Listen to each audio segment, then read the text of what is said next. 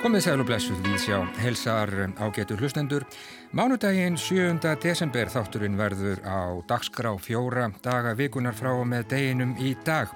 Í vísjá í dag þá ætlum við meðal annars að ræða við Benedikt Hjartarsson bókmyndafræðing sem þýtt hefur skáldsöguna minnisblöð Malte Laurits Brygge eftir Rænir Marja Rilke. Bókin kom fyrst út árið 1910 og var eina skáldsaga Rilkes sem að var auðvitað eitt af fremstu ljóðskáldum Evrópu á 20. öld. Benedikt segir frá þessari merku bók og þessu merka skáldi í viðsjá í dag en þýðing hans er komin út í lærdomsritaröð hins íslenska bókmyndafélags. Við viljum líka að bregð okkur í tónlistarferðanlag Artljótur Sigursson tónlistamæður. Hann verður með okkur í viðsjá í dag og næstu mánudaga og fjallar um tónlist með sínum hætti undir yfirskriftinni Heyrandi nær. Og í sínum fyrsta pysli í dag þá ætlar Arljótur að rýna í sögu lagsins viðfræga Missir Lú. En saga þess nær um það beil 100 ár aftur í tíman og Já, margt forvitnilegt sem kemur upp úr durnum við sögu skoðun inna. Við ætlum líka að bregða okkur vestur í Marsjálhús og fara í jólagjafa leðongur. Það er vist komin tími til þess. Nýlistasafnið heldur nú í annarsinn basar í aðdraganda jóla þar sem hægt er að finna myndlist eftir félaga sapsins meira en það í viðsjá í dag. En Eimdar dagar eru yfir mig komnir, við erum og við verðum byrjendur í okkar eigin aðstæðum. Við skulum fara svo sem eins og 110 ár aftur í tíman, við skulum fara til Parísar. Der Panther. Sein Blick ist vom Vorübergehen der Stäbe so müd geworden, dass er nichts mehr hält. Ihm ist, als ob es tausend Stäbe gäbe und hinter tausend Stäben keine Welt. Nummer 1. Ein Gedicht von Rainer Maria Rilke. Die Liebende. Das ist mein Fenster. Eben bin ich so sanft erwacht. Ich dachte, ich würde schweben. Bis wohin reicht mein Leben? Jæja, svo hingað kemur fólk þá til að lifa. Ég hefði fremur talið horfur á að deyja hér. Við erum stött í húsi nr. 11 við Rue Tullier í borginni París á getur hlustendur. Ungur maður, 28 ára gammal af dönskum aðalsættum situr við skriftir, hann er einsamall og allslaus, haldinn þráhyggjöka hvart ást og dauða Jæja, svo hingað kemur fólk þá til að lifa, ég hefði fremur talið horfur á að deyja hér. Ég var úti við, ég sá spítala. Ég sá mann sem að reyðaði og neyg niður. Fólk þyrtist á honum, það hlýði mér við því sem fyldi. Ég sá vanfæra konu, hún fetaði sig með erfiðismunum með fram háum hlýjum vegg og þreyfaði eftir honum öðru hverju eins og til að fullvisa sig um að hann væri þarna enn. Ungi maðurinn fylgist með lífinu í borginni, hann fylgist vel með og færir til bókar. Getur verið að maður hafi ekki enn séð, skinnjað eða sagt neitt raunverulegt og mikilvægt. Getur verið að maður hafi haft fleiri árþúsund til að horfa, íhuga og skrásetja og maður hafi látið árþúsundin líða hjá eins og fríminótur þar sem maður gleipir í sig samlóku og eppli. Hvað fleira? Barn í kirstæðum barnavagni, feitlægið, grænleitt og með greinileg útbrót á enni. Þau voru augljóslega að gróa og ollu ekki sásöka. Barnið svaf, munurinn opinn og andaði að sér jóði, frönskum kartöblum, óta. Þannig var nú það. Aðalatriðið var að maður livði. Það var aðalatriðið.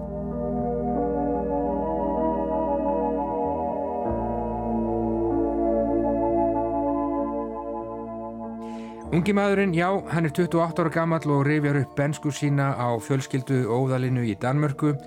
Ég sé mig liggja andvaka í litla rimlarúminu mínu og sjá einhvern veginn óljóst fyrir mér að svona muni lífið verða uppfullt af sérstökum hlutum sem aðeins eru ætlaðir mér einum og ekki verða færðir í orð.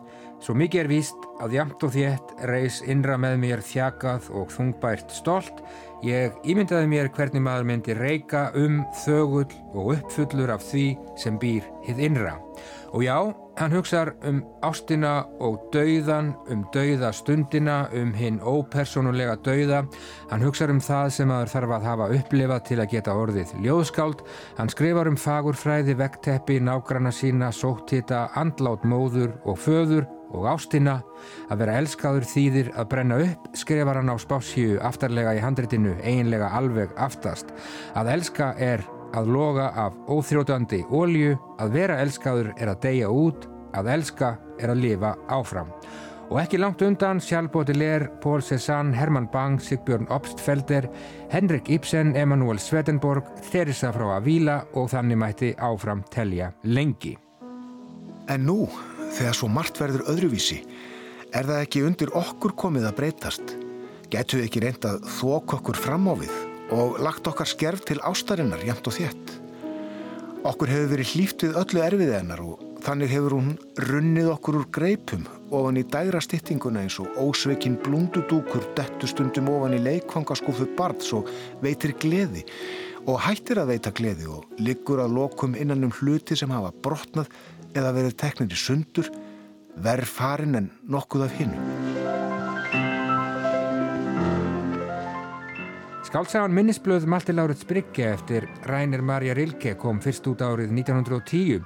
Þetta var eina innan gæsalappa Skáltsaga Rilkes sem var einhvert almerkilegasta ljóðskáld Evrópu á síðustu öld. Sjá blöðin falla, falla langt að sem felli á himnum, laufsitt, dimmir, gardar og svo framvegis. Af merkum verkum hans má nefna Duino treáljóðin og sonettur til Orfeusar, bæði frá árinu 1922 Rilke var allur fjórum árum síðar 51 árs að aldri. Fætur í Prag árið 1875 á dögum keisaradæmisins austuríska tilherði þar hinn um þýskumælandi minni hluta. Förumadur, alla tíð, aldrei kyrr, landlaus, alltaf á ferð um heiminn, skáld sem orti um andstæðundar á milli hins ytra og hins innra, hins sínilega og hins ósínilega, milli heims og hugar, lífs og dauða. Stundum sætti hann þessar anstæður í verkum sínum, stundum ekki. Ég læri að sjá, ég veit ekki hvers vegna, en allt leitar dýpra inn í mig og stöðvast ekki þar sem að það nam alltaf staðar áður. Innra með mér býr eitthvað sem ég viss ekki af. Allt leitar þangað. Ég veit ekki hvað á sér þar stað. Ég skrifaði bref í dag og áttaði mig á að Ég hef aðeins verið hér í þrjár vikur. Þrjár vikur annar staðar, til dæmis út hjá landi, getur verið eins og einn dagur. Hér verða þær að árum. Ég ætla að hætta að skrifa bref. Hvers vegna skildi ég segja einhvern frá því að ég sé að breytast? Ef ég breytist er ég ekki lengur sá sem ég var og sé ég eitthvað annað en hingað til er ljóst að ég á enga kunningja. Og framandi fólki, fólki sem þekki mig ekki, get ég enga vegi skrifað. Já, vandvirkur þegar hann raðaði ofan í ferðartöskur og þegar hann skrifaði sendibref frá Rilkes hendi kom aldrei neitt annað en það sem óaðfinnanlegt var. Skrifaði austuríski réttöfundurinn Stefan Zweig í bóksinni Veröld sem var, ekkert gat eða mátti raska hennu fagra samræmi. Minnisblöð Malti Láriðs Brygge er að einhverju leiti sjálfsæfi sögulegt verk. Sannarlega kom Rilke til Parísar þann 28. ágúst árið 1902 í því skyni að sapna sér saman og skrifa bók um myndtökvaran Rodin. Sagtur verið að Rilke sé ekki Malte en að Malte sé Rilke. Og maður á engan og ekkert að og flækist um heiminn með ferðartösku og bókakassa og nánast án nokkurar forvitni. Hvers konar líf er þetta eiginlega? Þetta er hlægilegt, hér sitt ég, Brygge, í litla herberginu mínu orðin 28 ára og engin veit af mér, hér sitt ég og er ekkert. Guðminn góður, ég á ekki þakki yfir höfuðið og það rignir í augum mér, það síður í inneflum mínum án afláts, emdardagar eru yfir mig komnir. Skrifar Malte Láret Brygge í minnisbækur sínar. Já, Malte Láris Brygge, hann er í París og hann er að læra að sjá. Þetta er nýtt líf, þrungið nýrri merkingu. Hann er byrjandi í sínum eigin aðstæðum tilvist hins ógnvænlega í hverri ögn andrumsloftsins. Aðalatriðið var að maður livði. Það var aðalatriðið. Verkið Minnisblöð Malti Láret Spriggi hefur haft ómælt áhrif á fjölmarka rítvöfunda og þá ekki af verri endanum og ekki af ástæðu lausu. Þessi 110 ára gamla bók, hún er jafn ný nú árið 2020 og hún var árið 1910. Hún er jafn auðug nú og hún var þá. Við erum spiltir af auðfengnum nautnum eins og allir viðvanningar en af okkur fer orspor mistrans. Hvernig væri ef við virtum velgengni okkar að vettugi? Hvernig væri ef við færum að læra allt frá byrjun erfiði ástarinnar sem alltaf hefur verið ind af hendi fyrir okkur? Hvernig væri ef við færum og erðum byrjendur nú þegar margt er að breytast? París 1902, Malte Laurits Brygge, Reykjavík 2020, Benedikt Hjartarsson. Þetta er uh, að mörgu leiti myndi ég segja alltaf einstök uh, bók og uh, hún er kannski einhvers konar lýriskur prósi mm -hmm. getum við sagt. Ekspressjóniskur Já, vísar að mörgu leiti alltaf inn í ekspressjónisman Já kemur hérna 1910 þegar ekspressionismin er svona að fara að stað, hún er auðvitað líka með svolítið rætur í aldakvörfunum 1900 og kemur alltið úr svona symbolismanum og dekadensinum frá, frá aldarlokunum á 19. öldinni er þarna að einhverju leitið alltið á forvitnilegu mörgum aldamótan á 20. aldar bókmyndana og frá okkar tíma séð er vandalögust að tala um hana sem skálsögu mm -hmm. en þetta er kannski eitt af þeim verkum sem ádaldinn þátt í því að brjóta upp skálsöguformið á þessum tíma. Já. og eitt af því eh, sem á nefna þar er við tölum um hana uh, sem einu skálsögu Rilkes, hann talar aldrei um verkið sem skálsögu, þetta er prósa Já Prósaverk, eins og hann talar um. En auðvitað eru ákveðin skálsög enginni það er ákveðin saga ákveðin sem að liggur undir ákveðin þroska Já, saga einmitt. og við fylgjum þessari personu það eru endurlit aftur í, í uppvækstan árin í Danmörku. Óðalsetri þar.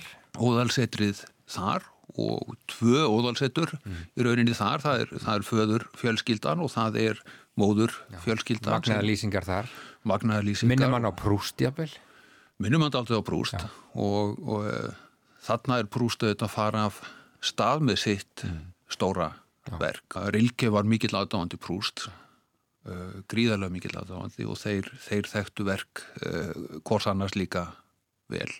En svona kallast að mörguleitið aldrei skemmtilega á. Já, En það er svona þessi þráður með þessa sögupersonu, við höfum þessa svona skálsögu þætti, eh, skálsögu þráð í verkinu, getur við sagt.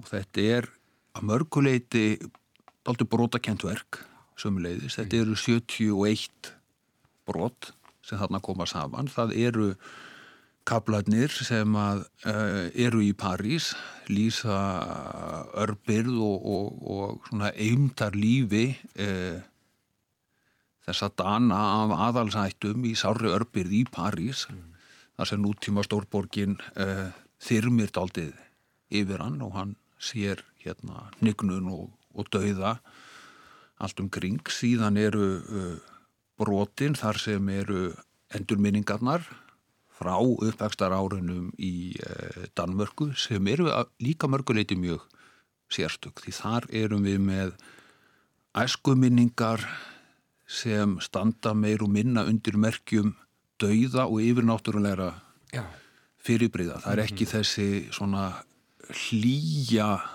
endurminning sem við þekkjum yðurlegur verkum. Hún er mjög grimm í rauninni æska. dularfullar verur þarna ljósklætta konan til dæmis. Og já, döðin yfir og allt um kring. Já, dauði Avans er auðvitað mm. frægi kaplinn þarna í, í bókinni dauði föður Avans uh, sem fær sinn eigin dauða og, og óðalsetrið er einlega undirlagt og allt þorpið undir þennan dauða sem eru ríkalegar Já. lýsingar. Og síðan eru þriðjubrótin eru svona þessi, þessar hérna sögur úr fortíðinni. Já. aftur á miðaldir og í raunin alveg aftur í fornöld. Að koma þarna kaplar um Saffo meðal annars, kaplar um Ibsen og Sjam, þetta er svona lesturinn líka hjá, Já, hjá Malte í rauninni. já. Og hann blandar saman þarna, já, sögulegum personum og svo skálduðum personum í þessu verki. En talandum dauðan, Rilki hafði miklar, á, uh, miklar skoðanir á dauðanum og þessum, já, persónulega og ópersónulega dauða og, og fræg þessi skrif hans um það hvernig fólk var einhvern veginn hætt og er einhvern veginn hætt að deyja sínum eigin persónulega dauða, tala hann ekki um smá dauða eða litla dauða eða eitthvað slíkt. Það tala líka um færibanda dauða, færibanda dauða, og það já. er dauðin í París eins og hann byrtist okkur Mm. þar sem fólk deyr nafnlaust inn á stopnunum úr skilgreindu sjúkdómum nánast eins og þetta er pöntur. Þetta er auðvitað hluti af hans gaggríni á nútíman og nútíma væðingun ákveð gaggríni sjónarhótt þar. Uh, Já, þetta er það sem að stillir upp svona gagvart hinn um persónulega dauða. já, þeir menn deyja á sínum eigin forsendum einhvern veginn. Já. Já. Svo er þarna líka já, frægar hugmyndir Rilkes um, um það, já, hvað það er sem gerir mannað ljóðskáldi. Það er, það er reynsla, maður uh, verður að lifa margt og sjá margt og hafa farið víða til þess að geta orðið, orðið ljóðskáld. Það var, það var hans skoðun, ekki satt. Og Malti Lárit Spriggi, hann, hann básunar þetta í, í, í sínu hveri. Hann gerir það og það eru þetta æfisögulegir þættir í því líka. Já. Það eru gríðarlega miklir æfisögulegir þættir í, í, í verkinu og Rilke byggir þetta mikið á brefum og dagbókaskrifum sem hann skrifar sjálfur í París Já. á uh, í rauninni á þremur tímabilum. Fyrst þarna 1923 og síðan til 1907-8. Það flæðir gríðarlega mikið af því Klárar hann svo í Þýskalandi, þegar hann er komin frá París. Hann fer frá París og hann er líka í, ef ég mann það rétt, þá er hann í Róm Já. líka þegar að, að hann klárar verki. Hann fer auðvitað gríðarlega við það. Þetta er evróska skáldi frá Prag eins og hann er stundum Já, landlaus maður. talað um og það eru eitt, eitt einkennið í verkinu uh, líka. Það er gríðarlega mikil evrópsk saga, bæði bókmenta saga og annað undir. Það eru Norðurlöndin eru mikið undir. Sem hann var heitlaður af. mjög heitlaður Já. af og kannski fáar samtíma bókmentir sem hann las af eins miklu kappi og norrænu Já, höfundana. Nákvæmlega. Ípi Jakobsen var eitt af hans hérna uh, svona íkonum já. Herman Bang. Herman Bang og Ípi Jakobsen Nils Lyne sem er gríðarlega auðvitað þekkt verk þarna um alltaf móti 1900 hann skrifar þarna bref til ung skáld sem eru mjög fræg þar sem hann segir hvert sem ég fer það er alltaf tvær bækur sem ég er með það er Nils Lyne, þetta er Jakobsen Já. og Biblían Já, það var nóg. Það var Hann lærði dönsku, til þess að geta að lesa kirkigór og svo framvegis og menn var að tala um að Já. já. einhvers konar fyrirmynd þarna sé Sigbjörn Obstfelder, uh, norska skáldið, uh, menn tala um það við það. Hann byggir að nokkru leiti uh, ákveðna þætti sem hann sækir þar í og verk Obstfelders hann gríðarlega vel Mhm. og uh, maður sér hans lestur á norrænu höfundinu líka mikið í gegnum hans reytóma sem hann skrifar á þessum tíma og það er Bang og það er Obstfelder, það er Lyne og nei hérna Jakobsen og, og fleiri Já, og uh, Malte-personan, það eru æfisögulegir þræðir í henni, það eru líka þræðir úr obstveldir Já, sem að uh, uh, flæðu þann inn í norræna skáldið að reyna að fóta sig í, Mhm. í París og mjög forvitnileg tengsl á milli þeirra. já. Einhver segir að, að Rilke sé ekki Malti en að Malti sé Rilke, þversögn en kannski skiljanlega einhverju liti. Malte er, er allavega hluti af uh, Rilke og kannski öfugt. Nákvæmlega. líka og hann er kannski líka ég talaði um áðan uh, þetta eru þrjú tímabil þegar hann dvelur lengri tíma í París. Malte í bókinni er kannski einhverju leiti Parísa reynslan sem þar er, er fyrsta dvöl Rilkes í, í París Já. hann er búin að ná kannski meiri sátt við borgina og meiri fjarlægð á þessa reynslu þegar hann gengur frá frá bókinni já, Þannig það líka ákveðin uh, svona gaggrínin írónisk fjarlægð á, á þennan hryllingi í persónunni sem já. gefur verkinu líka ákveðna vít en auðvitað einn kannski magnaðasta stórborgar lýsingin í bókmyndum frá þessum tíma. algjörlega.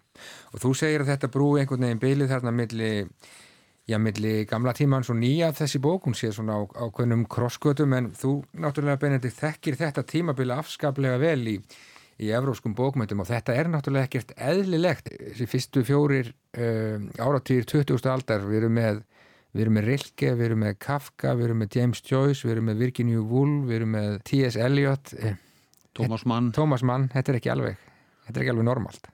Nei, það er náttúrulega gríðarlega degla þarna á þessum tíma og, og er ekki bara í bókmyndunum. Nei. Þetta eru þetta tími gríðarlega þjóðfélagsbreytinga. Það eru miklar hræringar í, í vísindunum. Það eru grundvallar breytingar á allir heimsmynd þetta eru pólitískir óróa tímar Já, það er allt í, í endur skoður nú að mörgu leiti líki í, í upplaust og, og það auðvitað liggur mikið undir í þessu þessu verki. Já, nákvæmlega. Uh, kemur út 1910 uh, minnisblöðum allt er Láriðs Bryggi og þetta er bók sem það hefur haft já, mikil áhrif á, á merka höfunda. Heldur betur, já og þetta er eh, svona síðansta í rauninni stóra prósaverki hans ja. hann hefur gefið út þarna nokkur ljóðasöfn á undan og nokkur prósaverk ja. eftir þetta verk kemur laung þögn og síðan fara að koma þessi ljóðasöfn eins og dúin og tregaljóðin og, og Sonnettir til Orfeðsar Orfeðsar sonnettan uh, sem koma þarna á eftir. Já. En eh, svona síðasta uh, stóra prósaverkið Já. sem liggur, liggur eftir hann hann svona er búin að klára það kannski dálítið eftir þetta Nákvæmlega. verk. Kannski rétt að minna á það að Hannes Pétursson hann þýtti smásögur Rilkes sögur af himna föður uh, sem kom út fyrir margt löngu mjög fín en já, minnisblöðum allt er Láret Spryggi eftir Rænir Marja Rilke þetta er bók sem að kemur út hjá já, í lærdómsreitaröð hins Íslenska bókmyndafélags Takk fyrir komuna Benedikt Hjartarsson og haltu svo bara áfram að þýða. Takk. Takk fyrir mig. Der weiche Gang geschmeidig starker Schritte, der sich im allerkleinsten Kreise dreht, ist wie ein Tanz von Kraft, um eine Mitte zu halten begann. Fremd, wie nie beschrieben, zieht mich mein Schicksal an. En nú, þegar svo margt verður öðruvísi, er það ekki undir okkur komið að breytast? Getur við ekki reynd að þók okkur fram á við og lagt okkar skerf til ástarinnar jæmt og þétt. Okkur hefur verið hlýft við öllu erfiði hennar og þannig hefur hún runnið okkur úr greipum ofan í dægra styttinguna eins og ósveikin blundudúkur dettustundum ofan í leikfangaskúfu barns og veitir gleði og hættir að veita gleði og liggur að lokum innan um hluti sem hafa brotnað eða verið teknir í sundur, verð farin en nokkuð af hinnu. Hvernig væri ef við færum og erðum byrjendur nú þegar margt er að breytast.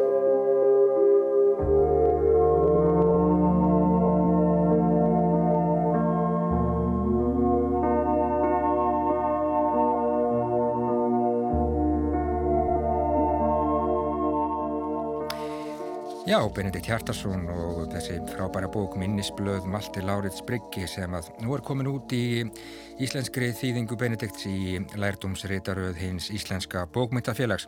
Við tókum örlítinn fórsmekk á þessa sælu hér í Víðsjá í mæ, örlítill Brian Eno hér undir lokin en lesari í þessu einslægi var Björn Þór Sigbjörnsson. En þá, ágættu hlustendur, skulum við bregð okkur í örlítið ferðalag Arljótur Sigursson, tónlistamæður, hann verður með okkur í Víðsjá í dag og næstu mánudaga og fjallar um tónlist með sínum hætti undir yfirskriftinni Heyrandi nær. Skulum leggja í hann með Arljóti.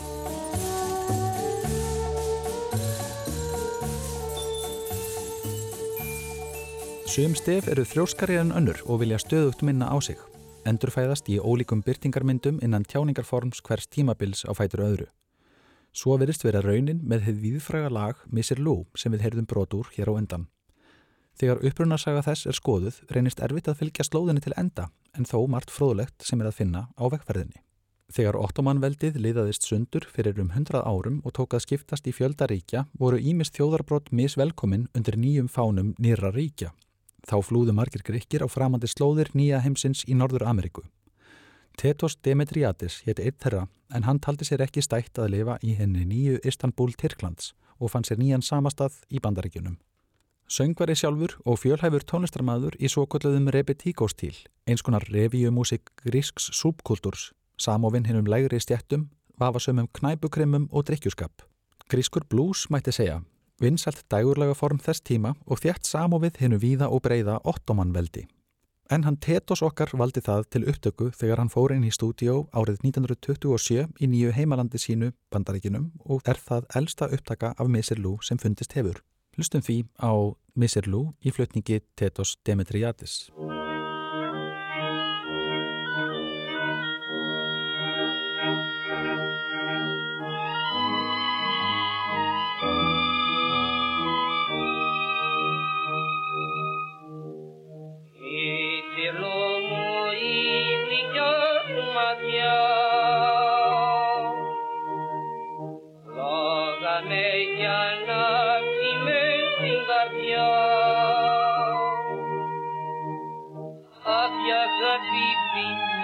done.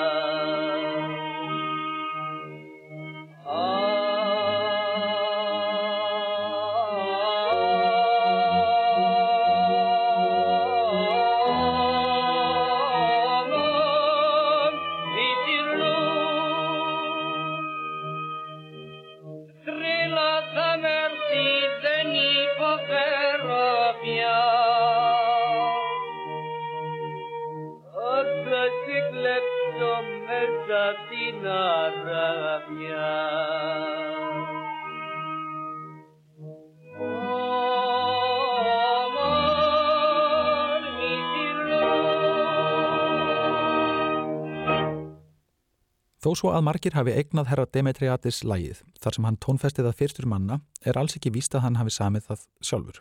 Enda lítur út fyrir að hann hafi aldrei gert tilkall til lagsins. Sennilega hefur þetta verið húsgangur og ástæða til að spila það inn á band. Lægið er æði fallegt. Tyrkir kalla Egiptaland Misir og Misir líf þýðir Egipskur eða frá Egiptalandi og með gríska viðskiptinu Ó sem vísar til kvenkins mætti pislahöfundur taka sér smá skaldaleifi og kalla það á ylhýru Nílarfljóðið. En svo er eins með stefið dularfulla og hið fagra nílarfljóð að allir vilja ganga að eiga hana. Hvort sem er í moskum Marokko við grátmúr gýðinga eða orthodoxa í aðinu er allstaðar að finna fólk sem telur lægið vera upprunnið innan sinna bæjartýra. Er lægið því kannski einhvers konar töfraandi ottomanveldisins, heimsveldi sem verðist annars vera hinn stóri samlefnari fyrir sköpunasögu lagstins. Hvað er það annars sem gerir lægið svona sívinsælt og heillandi? Það er einhver blanda af ángurverð og exotík, ástarþrá og eftirsjá í réttum hlutfullum. Það er á einhvern hátt huggandi og hættulegt í senn. Miklir möguleikar félast í útsetningum á því, segðandi ef flutt í hægutempói og síðan æsandi á hraðri reið. Flestir læginu kunnugir hafa kynst því gersnitu teksta og því flækist ekki málið. Alþjóðleg tunga tónlistarinnar saminar hlustendurna hvaðan úr heiminum sem þeir koma. Einning geti hafa blandast inn í þetta kostnæðarsparnaður að þurfa ekki að greiða fyrir höfundarétt af flutningi lagsins á tónleikum því höfundur er ókunnur.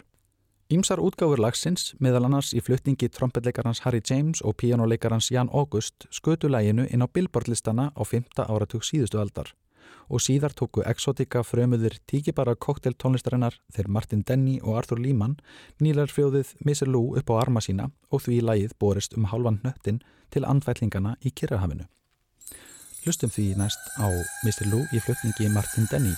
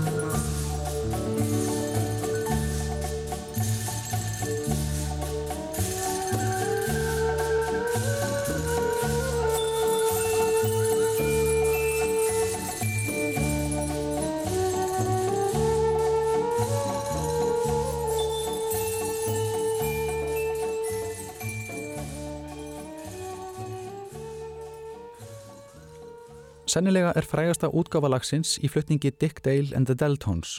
Samkvæmt lífsegri flökkusögu hafði aðdáandi hljómsættarinnar sagt við forsprakkan fingrafima að hann kynni kannski ímislegt fyrir sér í gítarkunst en að ómögulegt væri fyrir hann að spila gegnum heilt lag hefði hann aðeins einn streng til umráða.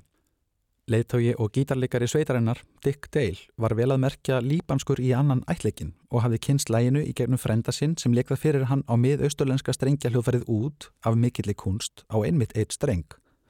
Dick Dale fór því létt með áskorunina en hvort sem við séu í flökkusögunni eða ekki fór framhaldið á spjöld tónlistarsögunar. Beach Boys og The Ventures gerðu svo skömmu síðar sínar útgáfur af læginu Dölarfulla og festu það því enn betur í sessi. Hlustum nú á Dick Dale and the Deltones flytja Missy Lou.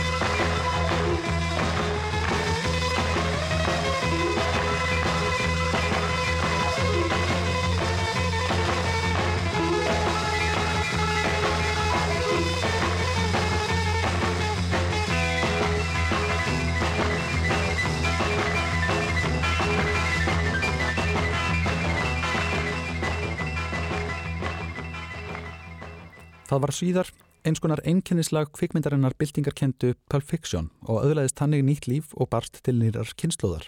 Áratug síðar notaði popljónsettin Black Eyed Peas svo stefið í poplagsitt Pump It og stuttu síðar kom það fyrir í þáttaröðunni við frægu Mad Men. Það veriðist á öllu sem það væri erfiðara verkefni fyrir sjálfan hoppitan fróða og förunitið að granda þessu stefi en ringnum sjálfum. Hængur er þó á þeirri líkingu því ringurinn var yllur en lag þetta sem umræðir afskaplega gott.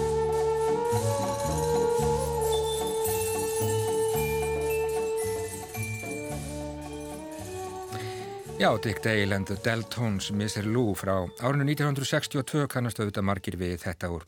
Kveikmyndinni Pulp Fiction eftir Quentin Tarantino, Arljótur Sigursson, heyrandi nær og Já, þetta lag misir lúhið þrjóska nýlar fljóð hættulegt og huggandi í senn.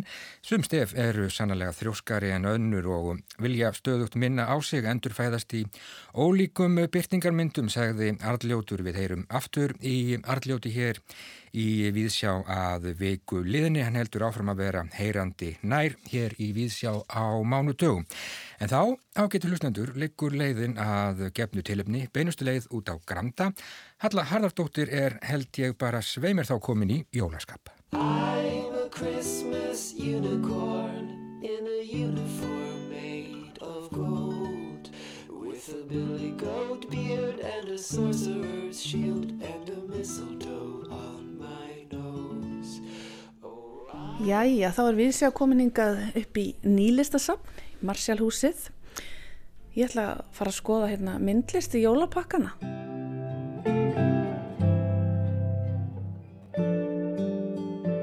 Það er sífælt auðveldara að nálgast list í jólapakkana.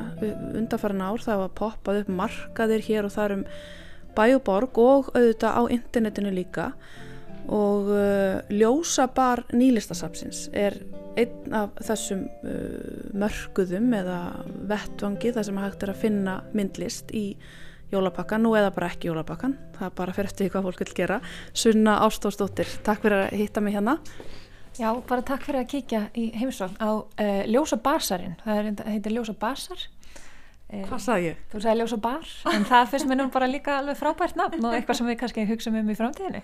Það var kannski að setja barinn tíman. Já, einmitt, einmitt.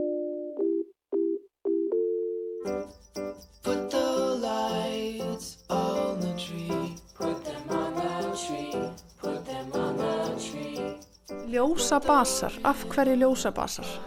Já, það er nú margar ástæður fyrir því. Þetta er í annarsinn sem við höldum ljósabassarinn og ég held að kannski að við kannski séum öll saman um það að listan er hálgerð ljós í myrkrinu. Þetta er hérna e, verkin hér eru ekkert endilega sko tengt ljósi í svona kannski e, beinumskilningi heldur eru við í rauninu bara að reyna að lýsa upp skamdegið með mhm. myndlist mm -hmm. og sína fjölbreytileikan eh, hérna eru fulltrúar frá nýlistasafninu sem að er að sælja verkinn sín mm. og list er alls konar og myndlist er alls konar eh, öll þessi verk eru ljós á sinnhátt Einmitt, mikil fegurði því. Þú talar um fjölbreytileika. Nýlistasafn eru þetta Eh, eins og held ég að flesti vita samtíma listasafn en það er eh, listamanna rekið hér um, segð okkur aðeins frá þessu rekstraformi og, og af hverju það er svona fjölbreytt verk hér á bóðstólunum Já, nýlistasafnið er stopnað 1978 fyrir rúmlega 40 árum síðan af hópi myndlistamanna sem að voru á þeim tíma að svara þörfinni fyrir því að safna, safna samtíma list og markvist uh, varðveita list eftir samtíma listamenn. Uh, og allar guttur síðan hefur safni verið listamannaríkið og núna er hópurinn sem að stendur á baki nýlistasafninu uh, orðin fjölmennari og félagarnir í dag eru já, mellir 300 og 400 manns sem að eiga og reyka safnið með okkur og við sem að störfum hér í safninu við störfum náttúrulega í þeirra umbóði mm -hmm. uh, en þetta er uh, þetta er listamannareikið safn og, og við erum félag, félagsamtök mm -hmm.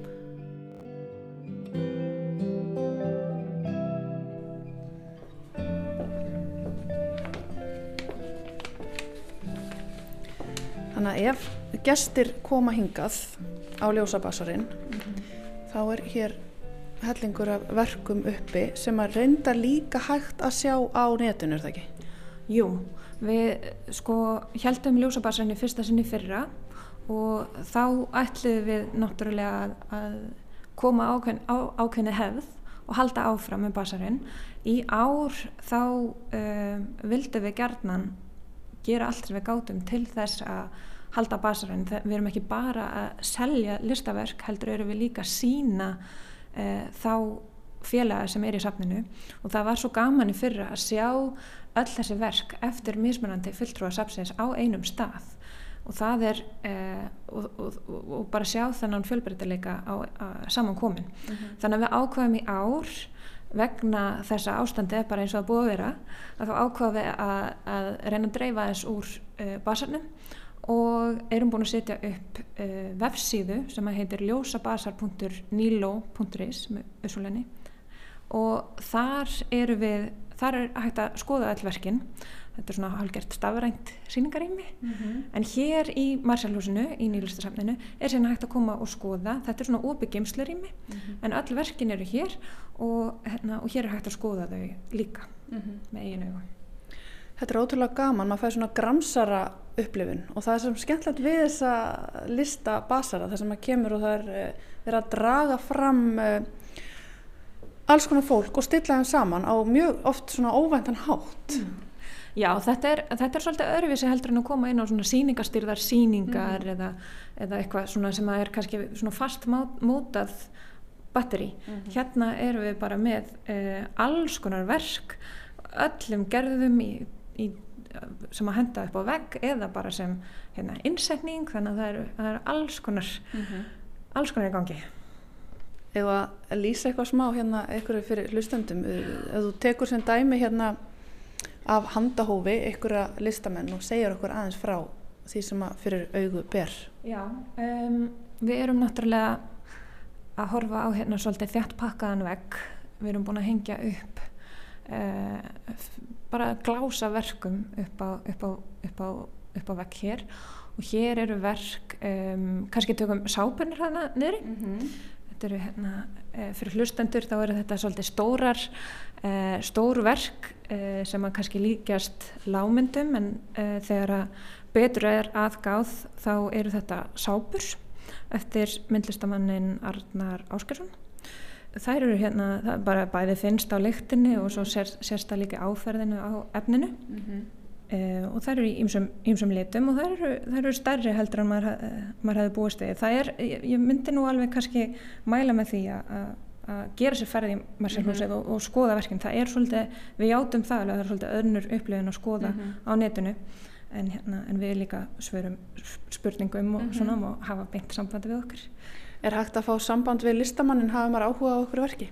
Já, já, það er alveg hægt það er alveg hægt, við hérna, erum bara öll, eh, öll eh, eh stóru fjölskylda hér þannig að það mhm. er ekkert vandamál að, að gera það Þessar sápur hans Arnars Áskilsson og þetta er aldrei eins og ganga fram að fordlevar hérna í hodninu og svo finnum maður þessa mögnuðu lykt. Já, það, hún, hún er, hérna, það er alveg mikil sápulykt af þeim.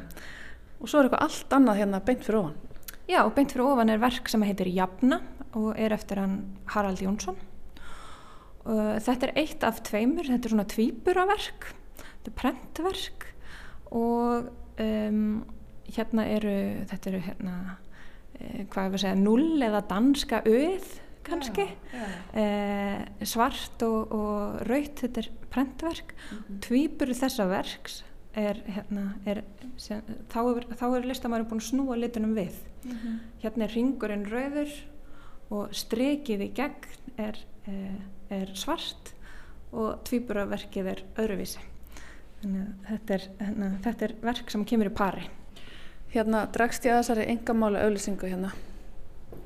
Hérna er, er þetta ekki Anna Júlia Friðbjörnsdóttir hérna? Anna Júlia, einmitt hérna stendur. Þú má kannski lesa hvað stendur. Já, ég le lesa?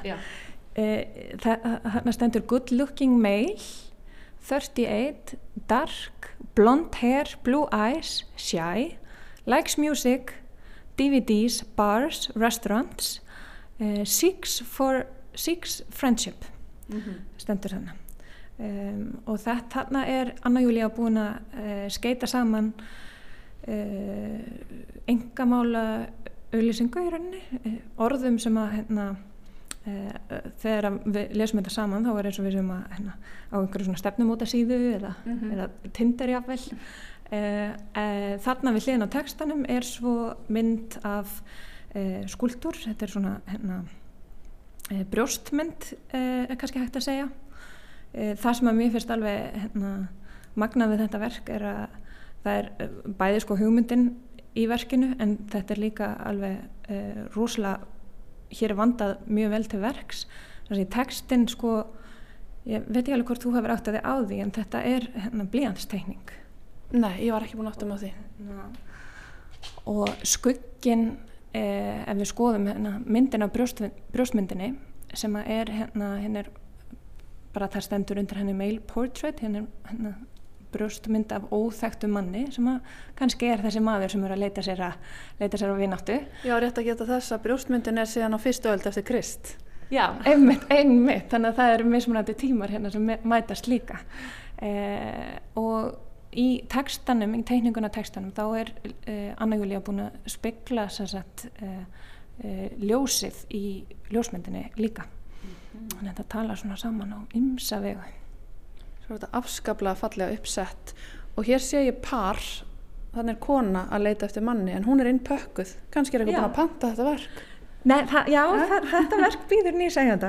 Um, sko þetta er náttúrulega opið gemsleirými hérna hjá okkur og við höfum kannski ekki alveg plást fyrir að setja öll verkin upp og svo skiptum við líka aðeins eh, svona rótrömmu eftir dög. Mm -hmm. Þannig að ef einhver, eitthvað verk selst þá tökum við það niður á vegnum og hengjum annaði upp. Mm -hmm. eh, Anna Júlia kom með þrjú, uh, tvö svona verk á basarinn. Mm -hmm. Þannig að við eigum eftir að hérna, uh, hengja hana svo upp. Já. Þessi, þessi uh, heitir Sú mm -hmm. þessi kona, brúsmynd Skemmtilegt og hvernig finnst þér vera rennir í er, er ekki mikil áhugi hjá fólki?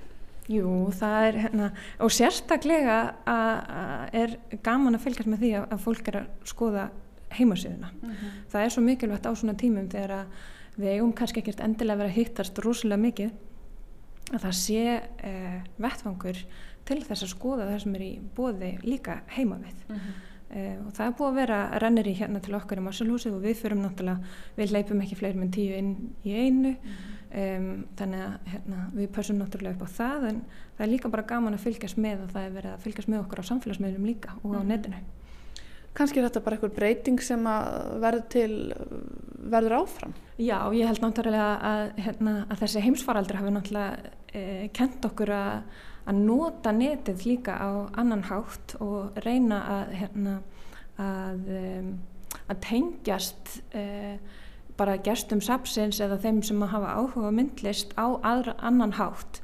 En við skulum samt ekki gleyma því að það er alltaf upplifun að, uh, að skoða og horfa á og upplifa myndlistaverk og list almennt í eigin personu mm -hmm. þannig að við mögum ekki gleyma því. Nei svo sannarlega og það er virkilega mikil upplifun að koma hingað í þetta ekki svo stóra hotn en sem er yfirfullt af áhugaverðri list Sunna Ástórsdóttir svona rétt í lókin praktísk atriði hvenar er þetta að koma og hvenar er opið? Já, það er hérna það er náttúrulega alltaf opið á heimasöðun okkar en hér í nýlastarafninu er opið á miðugudöfum frá miðugudöfum til sunnudags millir 12 og 6 en svo má líka hafa sambandi við okkur utan opnuna tíma og þá getum við séð hvað við getum gert mm -hmm. Takk kærlega fyrir spjallið sunna og bara gleðilega myndlistar aðvendu. Gleðilega myndlistar aðvendu. No gifts to give,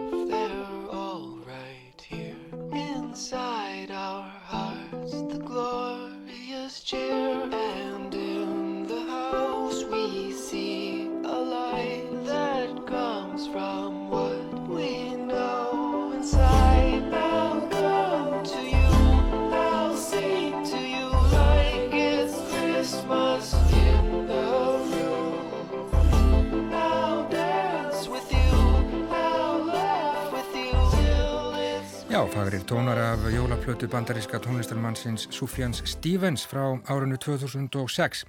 Halla Harðardóttir hún brá sér á jólabasar í Marshallhúsinu komin í jólaskap Halla á þessum mánudegi 7. desember nýlistasafnið heldur nú í annarsinn basar í aðdraganda jóla. Þessam hægt er að finna myndlist eftir félaga sapsins myndlist í jólapakkana. Og svona líkur þessu hjá okkur í dag á þessum uh, jólalegu nótum, Benedikt Hjartarsson, Arljótur Sigursson og um, Halla Harðardóttir í Víðsjá í dag. Víðsjá hér aftur á sínum tímalöst eftir klukkan fjögur á morgun teknimaður í. Þessari útsendingu var Markus Hjaltarsson. Takk fyrir samfélgina í dag, verði sæl.